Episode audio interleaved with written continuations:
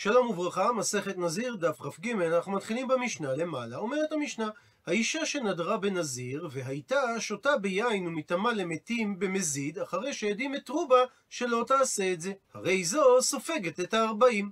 הוא מפנה אותנו המפרש לשני פירושים שהביאה הגמרא בדף כ"א עמוד ב', פירוש ראשון, שהבעל הפר לה את הנדר, ולמרות זאת היא לוקה על כך שהיא שתתה יין או נטמעה למתים, מפני שבעל שמפר לאשתו את הנדר, מי גזגז. הוא גוזז ומפסיק את הנדר רק מרגע ההפרה, ולא לפני כן. אפשרות שנייה, שהמשנה מדברת על מקרה פשוט, שהבעל כלל לא הפר את הנדר של האישה, כי אם הוא היה מפר את הנדר, הוא אכן היה עוקר את הנדר מלכתחילה. והמשנה הביאה את המקרה הפשוט הזה רק משום הסיפא של המשנה. שבסיפא של המשנה כתוב, הפר לבעלה את הנדר, והיא לא ידעה שהפר לבעלה, והייתה שותה ביין ומטמאה למתים במזיד, במקרה כזה אומר תנא קמא שהיא אינה סופגת את הארבעים. רבי יהודה אומר שאף אם אינה סופגת את הארבעים, היא כן תספוג מכת מרדות. הוא מסביר התוספות שנדפס בדף כ עמוד ב' שמדובר על מכת מרדות מדרבנן, והסיבה שהרי האישה הזאת התכוונה לעבור על איסור במזיד. הוא מביא התוספות את הגמרא במסכת מכות שאומרת שמדאורייתא לוקים ארבעים חסר אחת. אבל מכת מרדות חמורה יותר, שמכים בלי מניין, עד שתצא נפשו או עד שהוא יקבל עליו את הדין. הוא מסתפק התוספות במקרה של המשנה, שמדובר שהיא לוקה על כך שהיא עברה במזיד, אז אולי במקרה כזה מכת מרדות היא רק ארבעים חסר אחת ולא יותר. כי אולי מה שהגמרא אמרה במסכת מכות, שמכים אותו בלא מספר, זה דווקא כשהאדם לא רוצה לקיים את המצווה. אבל במקרה שלנו שהיא כבר עברה, לפי דעתה, על איסור במזיד, למה היא תלקה יותר מאשר אם היא הייתה עוברת על איסור דאורייתא במקרה שהבעל לא היה מפר לה את הנדר.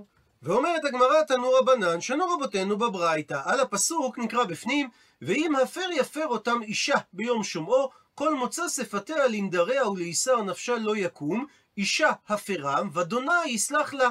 ונקרא לפי הגאות הבך, במה הכתוב מדבר? באישה שהפר לבעלה את הנדר שלה והיא לא ידעה. הכתוב מדבר שהיא צריכה כפרה וסליחה. ואומרת הברייתא, וכשהיה מגיע רבי עקיבא אצל פסוק זה היה בוכה, והיה אומר את הדבר הבא, ומה מי שנתכוון לעלות בידו בשר חזיר, ועלה בידו בשר טלה, שהוא טעון כפרה וסליחה, אז המתכוון לעלות בידו בשר חזיר, ועלה בידו בשר חזיר, על אחת כמה וכמה, שהוא טעון כפרה וסליחה. וממשיכה הברייתא, כיוצא בדבר אתה אומר, על הפסוק נקרא בפנים, ואם נפש כי תחטא ועשתה אחת מכל מצוות אדוני אשר לא תעשינה, ולא ידע, והשם ונשא עוונו. ואומרת הברייתא, ומה מי שנתכוון לעלות בידו בשר טלה, ועלה בידו בשר חזיר, כגון חתיכה ספק של שומן, ספק של חלב, ששני החתיכות נראות בדיוק אותו הדבר, ההבדל הוא מאיזה מקום בגוף הבהמה לקחו את החתיכה. ויש לפני האדם חתיכה אחת, והוא לא יודע האם היא של חלב או של שומן, אמר קרא, וכתוב בפסוק במקרה כזה, ונשא עוונו. אז מי שנתכוון לעלות בידו בשר חזיר, ועלה בידו בשר חזיר, על אחת כמה וכמה, שהוא יישא את עוונו. איסי בן יהודה אומר, ונקרא את גרסת הפסוק, על פי ההערה של החשק שלמה על פירוש הראש, הלא הוא רב שלוימלה מווילנה, הרב שלמה הכהן מווילנה, שהיה רב ומורה צדק ראשי בווילנה במשך למעלה מ-40 שנה. חיבר את הספרים חשק שלמה על הש"ס ואת השו"ת בניין שלמה.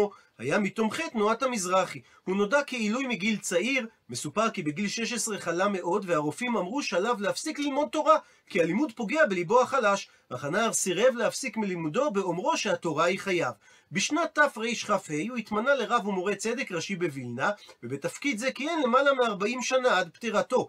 הרב הכהן היה מנכבדי רבני וילנה ודמות ייצוגית. בעת ביקורו של הרצל בווילנה ב-1903, הוא קיבל את פניו בברכת כהנים, ובעת ביקורו של הצאר ניקולאי השני, שנה לאחר מכן, הוא עמד בראש משלחת יהודית שהעניקה לצאר ספר תורה מיוחד.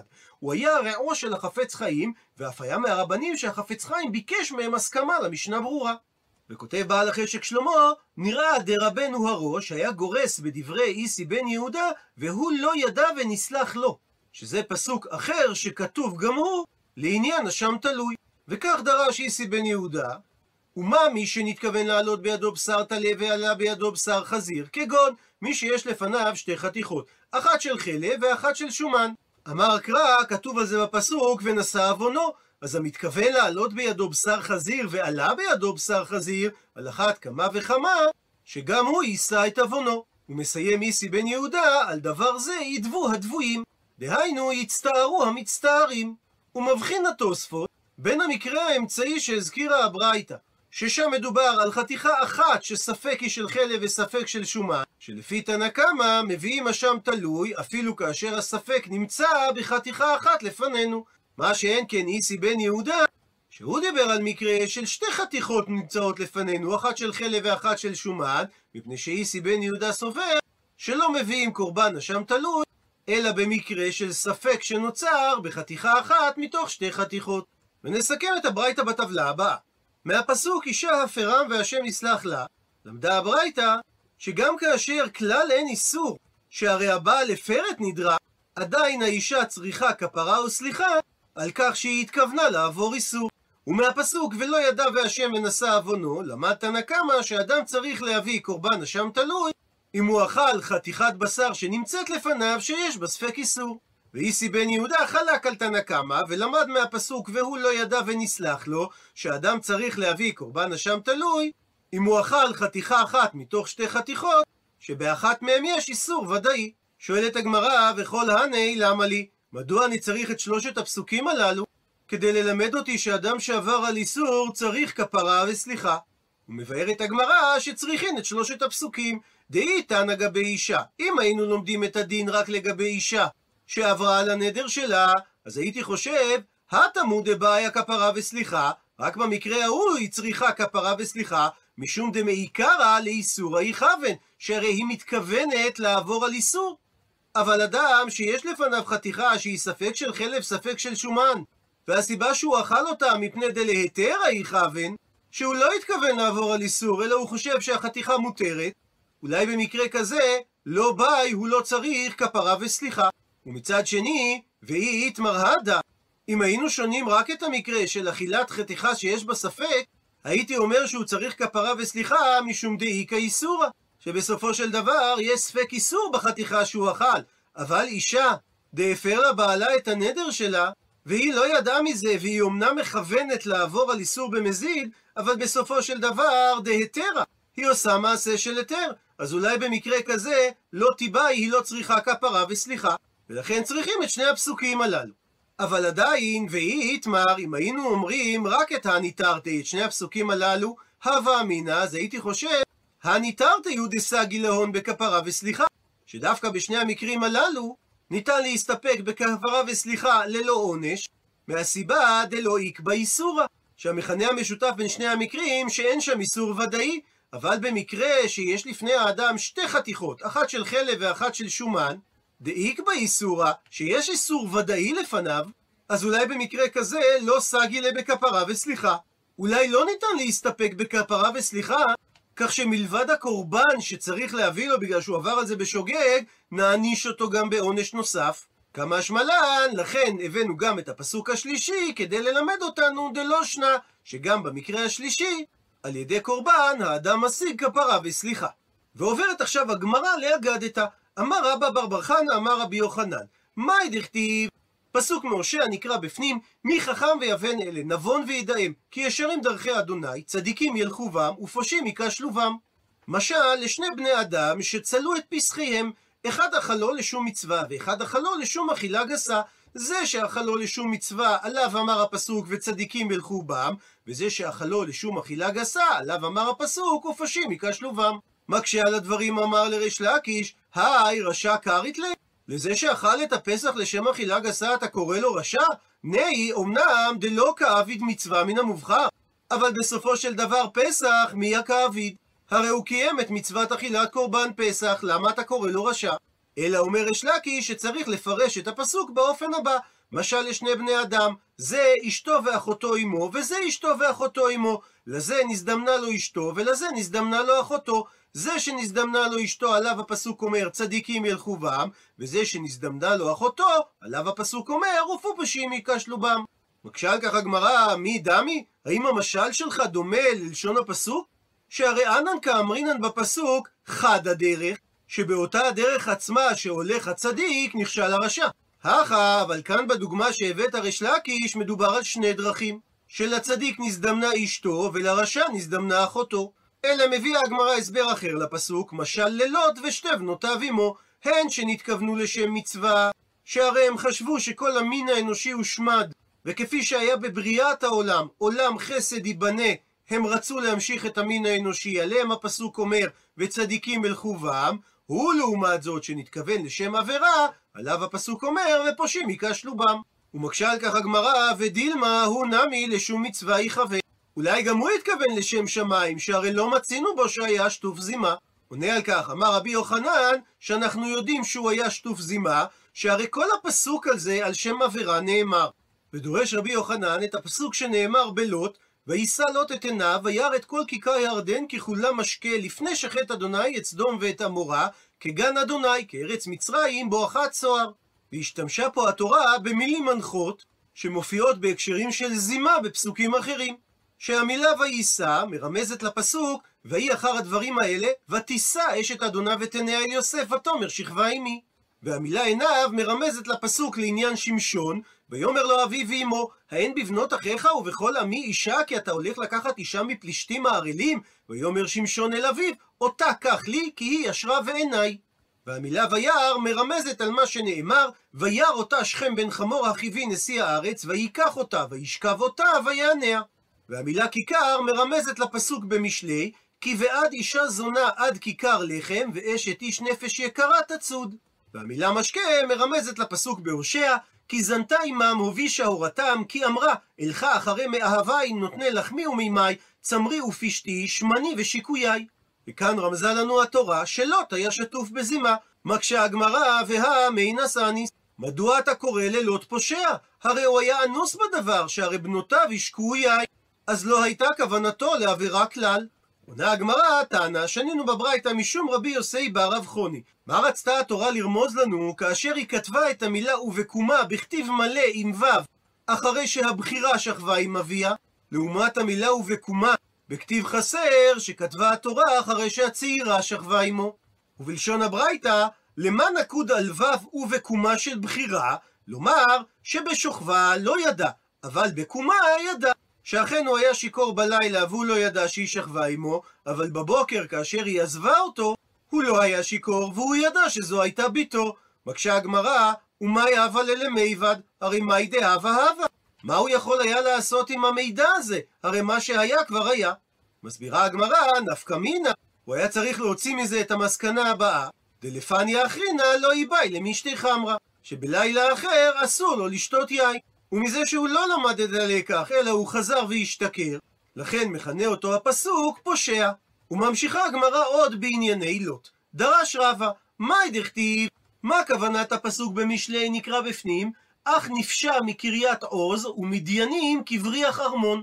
הפכנו דף, אך נפשע מקריית עוז, זה לוט שפירש מאברהם. הוא מסביר התוספות בעמוד הקודם, שהרי לוט נקרא אח לאברהם, כמו שכתוב, כי אנשים אחים אנחנו.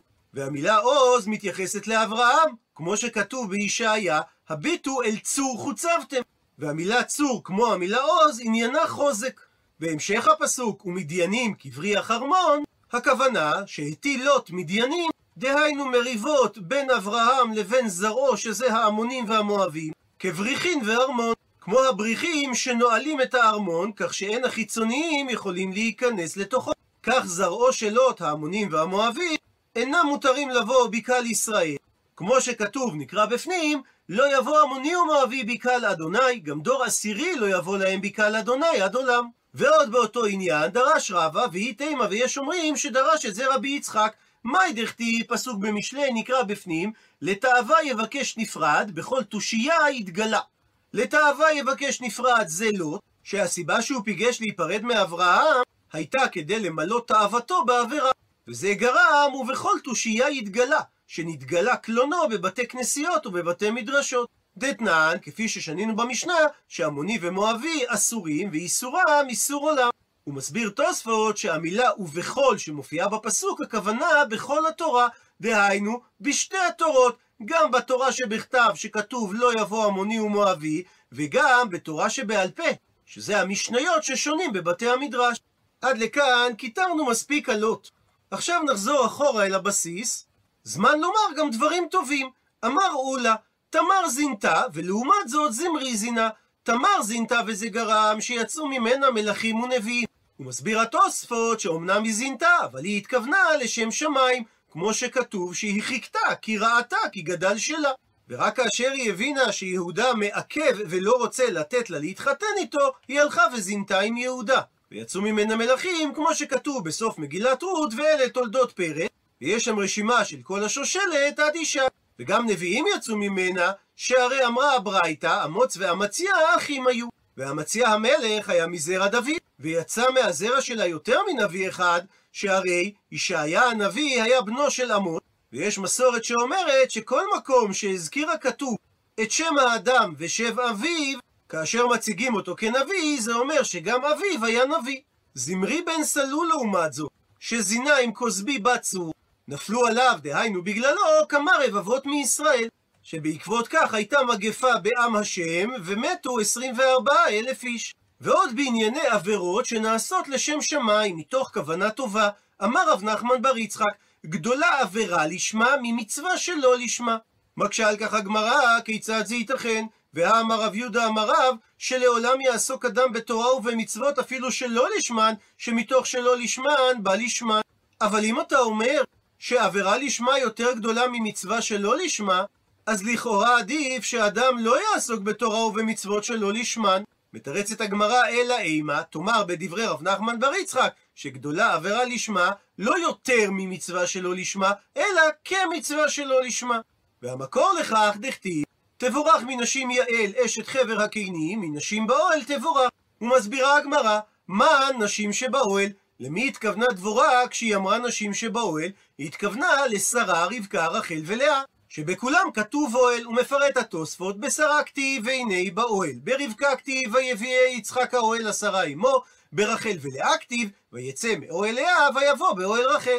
הרי שיעל שהייתה אשת חבר הקני, דהיינו אשת איש, והפקירה את עצמה כדי להרוג את סיסרא, שזה נקרא עבירה לשמה, היא תבורך מנשים. המעשה של השקות, כמצווה שלא לשמה, והכוונה לשרה, רבקה, רחל ולאה, שהיו שותפות במצוות פריאה ורבייה, אבל ביחס למעשה של יעל זה נחשב מצווה שלא לשמה, כי הייתה להם הנאה בעניין הזה, מה שאין כן ליעל, שאמר רבי יוחנן, שבע בעילות בעל אותו רשע באותה שעה, שנאמר, נקרא בפנים, בין רגליה קרה נפל שכב, בין רגליה קרה נפל, באשר קרה, שם נפל שדוד.